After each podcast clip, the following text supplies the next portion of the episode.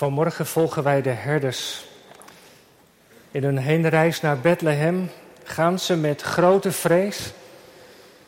En als zij het kind hebben gezien, gaan ze weer terug naar hun kudde met grote blijdschap. Er is daar in Bethlehem dus iets bijzonders gebeurd. Vers 17, Lucas 2. Toen zij het kind gezien hadden, maakten zij overal het woord bekend dat hun over dit kind verteld was. Over die verandering gaat het vanmorgen in de preek.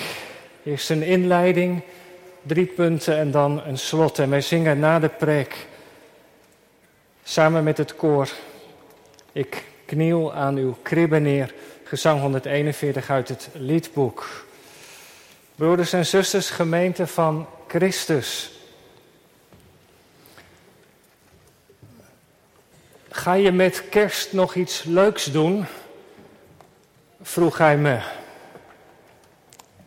Ja, ik ga met kerst altijd naar de kerk om de geboorte van Jezus te vieren, antwoordde ik.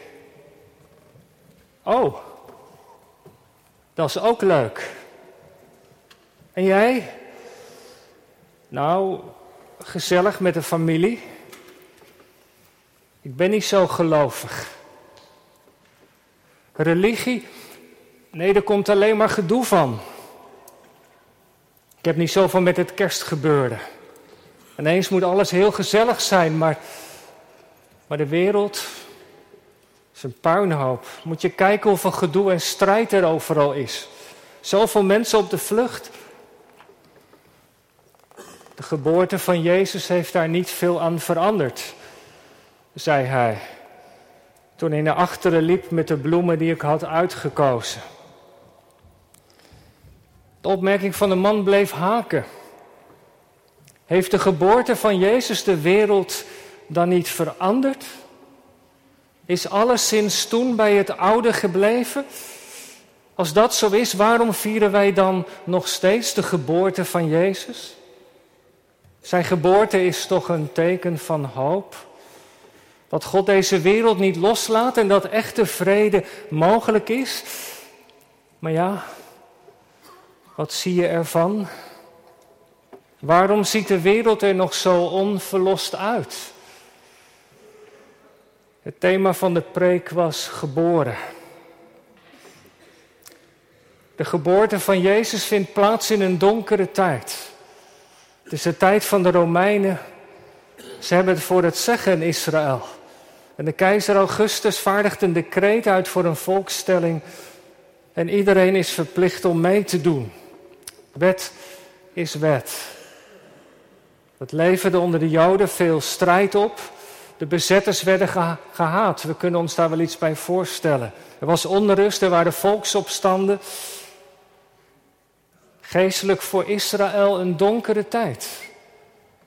Niet God, maar Rome had het voor het zeggen. De beloften van het vrederijk stonden haaks op de realiteit van elke dag. Die belofte van de Messias die verlossing en redding zou geven. Maar die bezetter en die Romeinen dan. Er waren al honderden jaren geen profeten meer geweest.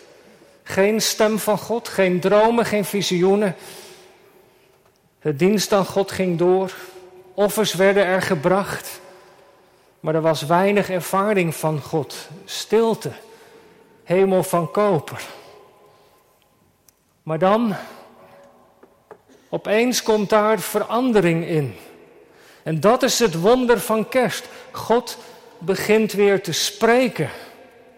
Aan Zacharias en Elisabeth, later aan Maria. Ineens komt alles, zo vertelt Lucas, in een stroomversnelling. Die belofte van de Messias, van de vredevorst, die is God niet vergeten. Maria baarde haar eerstgeboren zoon. Ze wikkelt hem in doeken, legt hem in een kribbe. De heiland, de redder is geboren zoals God had beloofd. Alleen, niemand op aarde weet er nog van. En zo komen we vanmorgen bij de herders. Er waren herders in diezelfde streek. Ze hielden de wacht in het open veld, de nachtwacht over hun kudde. En die nachtwacht wordt onderbroken. Ze mogen de eerste zijn die de beloofde redder zullen zien. Ze worden door God uitgekozen om getuige te zijn van de geboorte van Jezus. Herders. Waarom herders? Er wordt verschillend over gedacht. Sommige rabbijnen uit de tijd na het Nieuwe Testament beschouwden herders als mensen die niet echt te vertrouwen waren. Net als rovers en bandieten. In een rechtszaak mochten zij niet als getuigen optreden. Herder zijn, dat was in hun ogen een verachtelijk beroep. Als dat zo is, dan is het wel bijzonder dat God juist herders de eerste getuigen laat zijn. Dan wordt iets zichtbaar dat het heil van, van God is voor mensen die het om zo te zeggen niet verdienen. Wat natuurlijk waar is. Maar ik aarzel toch. Het Oude Testament spreekt juist met veel respect over herders. Denk aan de aartsvaders, aan Mozes of, of aan David. David was ooit herder in Bethlehem en hij is daar tot koning gekozen. David die die prachtige psalm heeft gedicht. De Heere is mijn herder. Er wordt in het Oude Testament heel positief over herders gesproken. En voor de Joden was het herder zijn verbonden zelfs met de Messias. Want als de Messias zou komen, dan zou hij zijn volk wijden als een herder. Dan zou hij zijn volk thuis brengen. Nou ja, hoe het ook zij, God kiest herders uit. Niet de grote van de aarde, Augustus en Herodes, ook niet de religieuze leiders van het volk, de overpriesters en het Sanhedrin, maar hij kiest gewone mensen uit, die hun werk aan het doen zijn in de velden van Efrata. Tot hen komt het woord van God. En ik kom bij mijn eerste punt. Hoe gaan de herders op pad? Lucas vertelt dat de herders naar Bethlehem gaan om de geboren koning te bezoeken. Maar weet u, ze gaan niet uit eigen beweging. Ze gaan pas nadat een, God een engel naar ze heeft toegestuurd. Een engel, met, een engel met een boodschap. De zaligmaker is geboren in Bethlehem, in een kribbe daar. Je zult hem vinden, in doeken gewikkeld. En de herders ontvangen een bericht, een boodschap van God. En weet u, als je een bericht, een boodschap van God ontvangt, dan is het altijd de vraag wat je daarmee doet.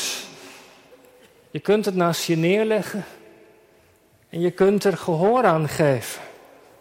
En de herders overleggen met elkaar en ze besluiten wat met dat woord van God te doen. Vers 15. Laten we naar Bethlehem gaan en dat woord zien dat er geschied is. De herders komen in beweging. En dat is spannend. Ze weten niet precies wat hen te wachten staat. En voordat ze het kind hebben gevonden, hebben ze er ook echt naar moeten zoeken. Zo wordt duidelijk uit de grondtekst. Waar moeten we precies zijn? En als het zoeken wat langer duurt, hebben we ons niet vergist.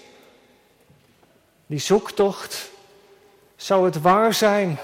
Die zoektocht, het wagen met het woord van God, weet u dat heet in de Bijbel nou geloof? Geloof is niet zozeer het aanvaarden van een hele set leerstellingen of dogma's, maar geloof heeft iets van een avontuur. Je ontdekt de waarheid pas als je in beweging komt.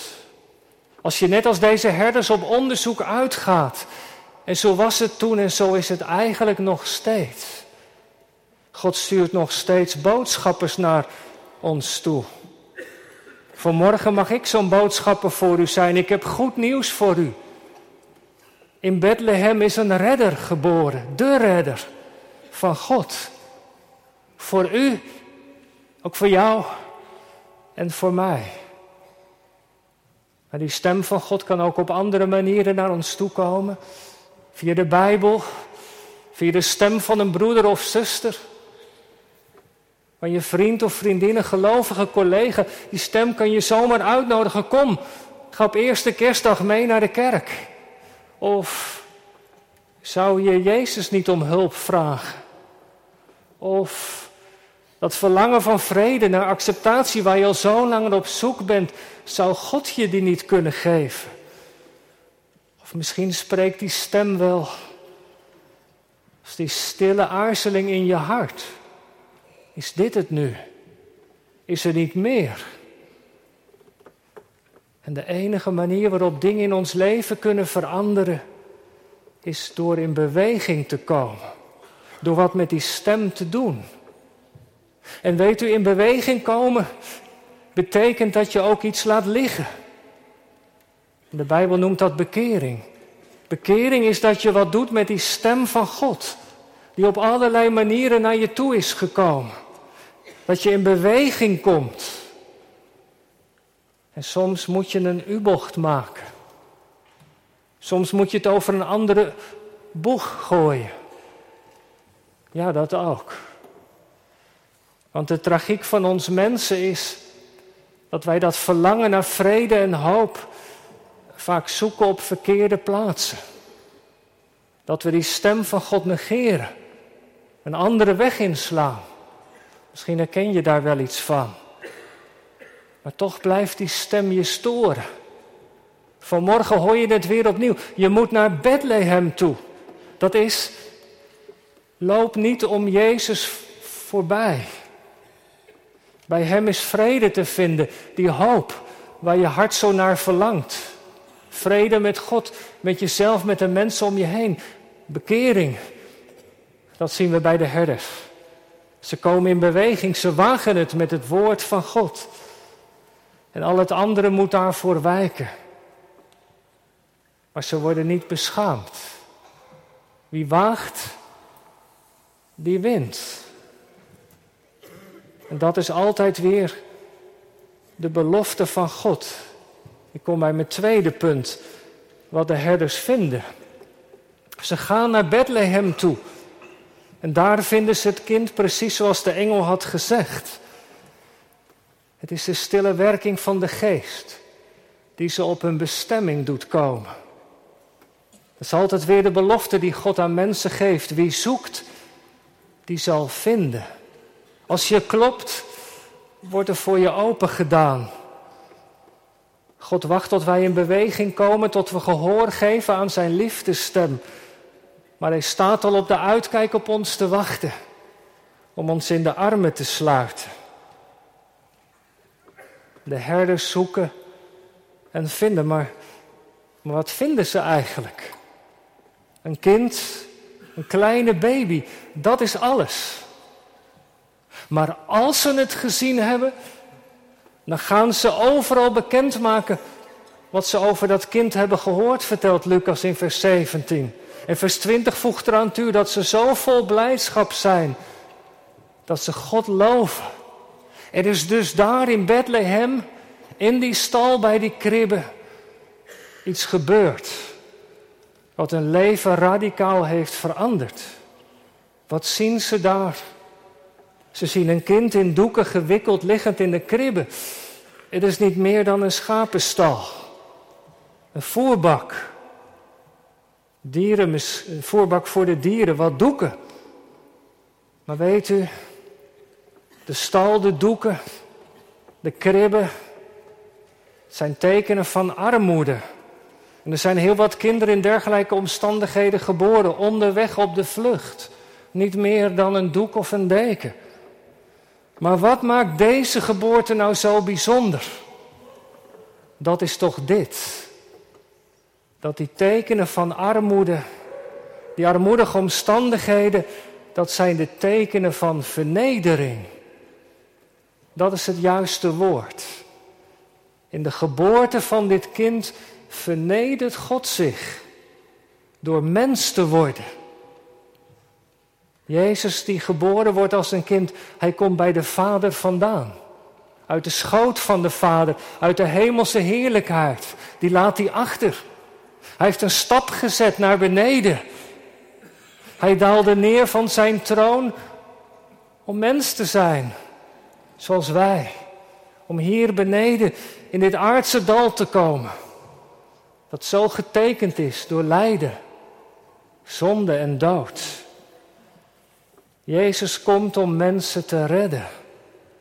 Hij is niet zomaar het kind van Bethlehem, maar in hem komt die machtige God naar ons toe als een redder. Dat zal wel snel duidelijk worden als hij groter wordt. Dat hij komt om te redden. En we weten allemaal toch wat dat betekent. Redden. Als je iemand wilt redden, dan moet je daar naartoe waar hij of zij is. Dan moet je hem achterna springen. In het water misschien. Dan moet je hem achterna duiken. Misschien moet je neerdalen in de grot zo diep tot waar die persoon zich bevindt. En dat doet Jezus. Achter die nederige geboorte zit die diepe weg die hij gaat. Van de hemel naar de aarde, van de stal later naar het kruis. Hij komt om de schuld en zonde van ons te dragen. Om de macht van de boze te breken. Hij komt om het goed te maken tussen God en ons. Was het dan niet goed? Nee. Kijk maar even mee naar de herders. Vers 9. Wat gebeurt er als in de velden van Efratastein de hemel gaat open, er valt licht van boven. Dan vertelt Lucas dat ze zeer bevreesd worden. Een megafobie staat er in het Grieks. Als dat stralende licht van God op ze valt, worden ze door vrees bevangen. Dat is opvallend. Jongens en meisjes, jullie weten dat wel.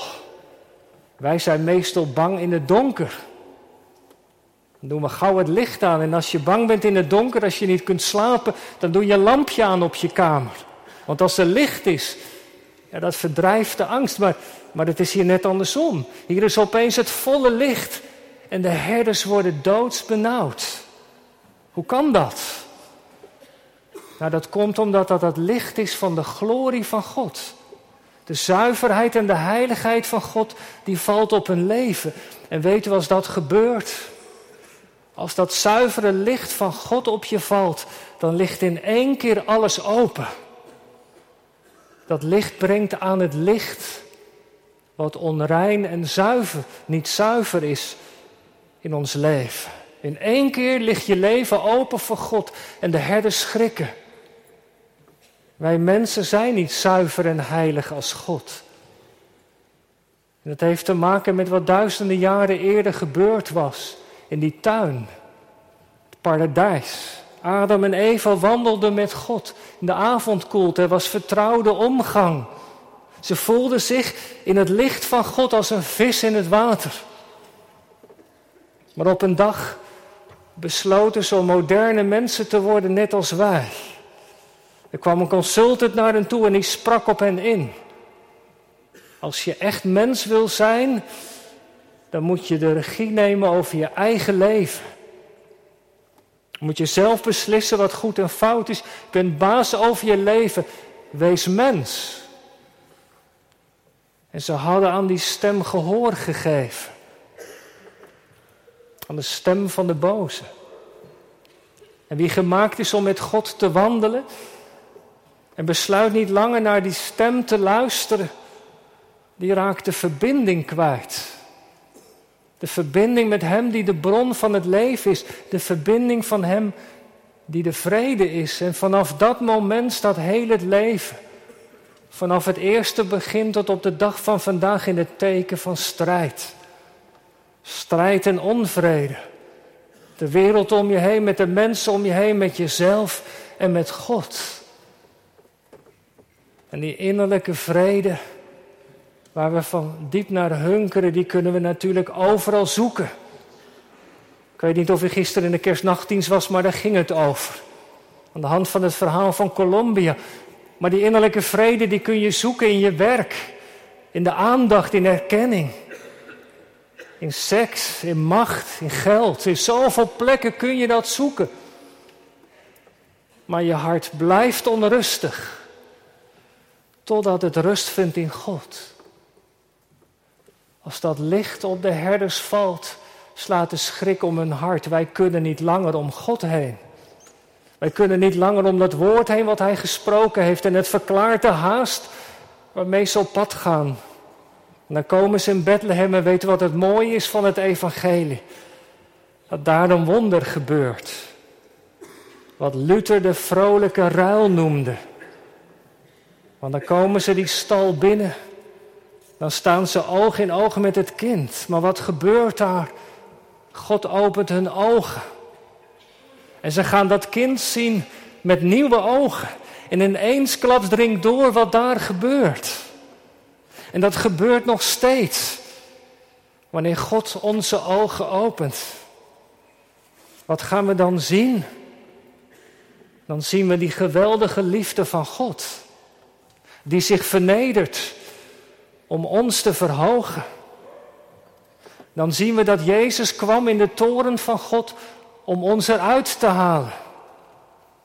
Dat Hij uit de gunst van zijn Vader komt om ons erin te brengen. Dat Hij met schamele doeken wordt bekleed om ons met Heer en heerlijkheid te kronen. Dat Hij in de kribbe in de stal komt om voor ons de hemel, het vaderland te openen. Dat er voor Hem geen plaats was in de herberg. Dat er voor ons plaats zou zijn in de schoot van de Vader. En de geest van God leert de herders dat ontdekken. Het is in een split second dat ze het doorhebben. En hij spoort je leef, de geest spoort ze aan om het verzet op te geven en te knielen bij de kribben. En dat doet hij nog steeds, want knielen, dat is die aansporing, daar gehoor aan geven. Dat je leven geeft aan de Heer Jezus voor het eerst of opnieuw. En weten wat er dan gebeurt. Als je knielt, als je je gewonnen geeft en je verzet opgeeft, dan word je door de Heere God omhelst. En weet u, ja dat weet u wel, omhelzen, dat kun je er maar één tegelijk. De Vader heeft de Zoon vanuit, vanuit, de eeuwigheid omhelst. En nu stoot de Vader de Zoon weg uit die innige omhelzing. Om ons in die armen te kunnen sluiten. De zoon eruit. Dat wij erin zouden kunnen komen. Dat is het evangelie van kerst. Geloof je dat? Dat er die open armen zijn van God? Uitnodiging is de aansporing. Geef je verzet op en laat je door deze God omhelzen. Vandaag nog, opnieuw. In je leven zal nooit meer hetzelfde zijn. Derde punt. Kijk maar bij de herders. Hoe gaan ze terug? Ze gingen met grote vrees. En ze gaan terug met grote blijdschap. Dat had de engel ook gezegd. Wees niet bevreesd, ik verkondig u grote blijdschap. En na de ontmoeting met Jezus begrijpen ze het. Er komt een diepe vrede in hun hart. Jezus ontmoeten, dat is thuiskomen bij God. Bij de God die je schepper is. Je door Hem in zijn armen laten sluiten. En de herders keren terug. Ze maken overal wie het maar horen wil bekend wat ze hebben gehoord. Maar ze gaan weer terug naar hun kudde. Ze bouwen geen kapelletje naast de stal. Ze gaan een leven lang niet alleen maar liederen zingen. Ze gaan weer terug naar de schapen. Ze nemen hun beroep ter hand. Ze moeten weer gewoon hard werken voor de kost. En in die velden van Efrata is het weer even donker als tevoren. Keizer Augustus even machtig als voorheen.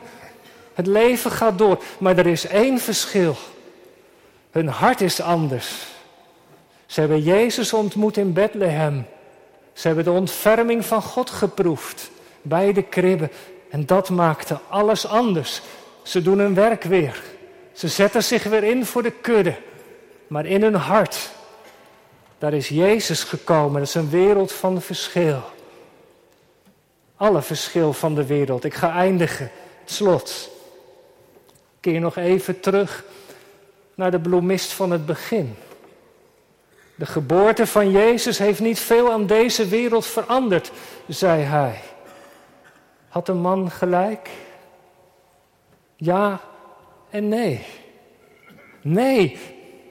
In Jezus is God naar ons toegekomen. Dankzij de Jezus de liefde van God binnen handbereik. Je hoeft alleen maar te knielen. Dankzij Jezus is echte vrede mogelijk, vergeving, een nieuw begin. Het is kerst.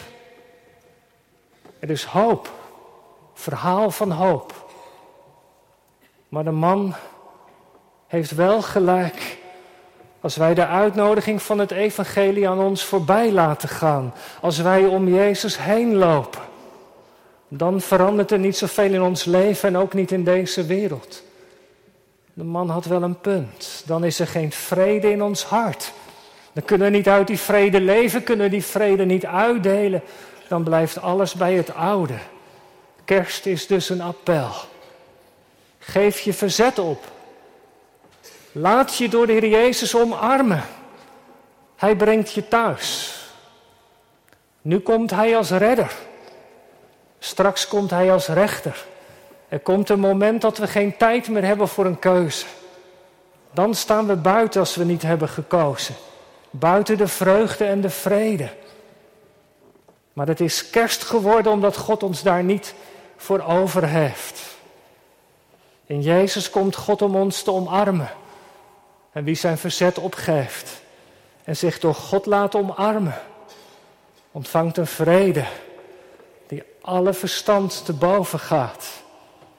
En weet u, vanuit die omarming stuurt hij je ook op pad. Als getuige en als vredestichter.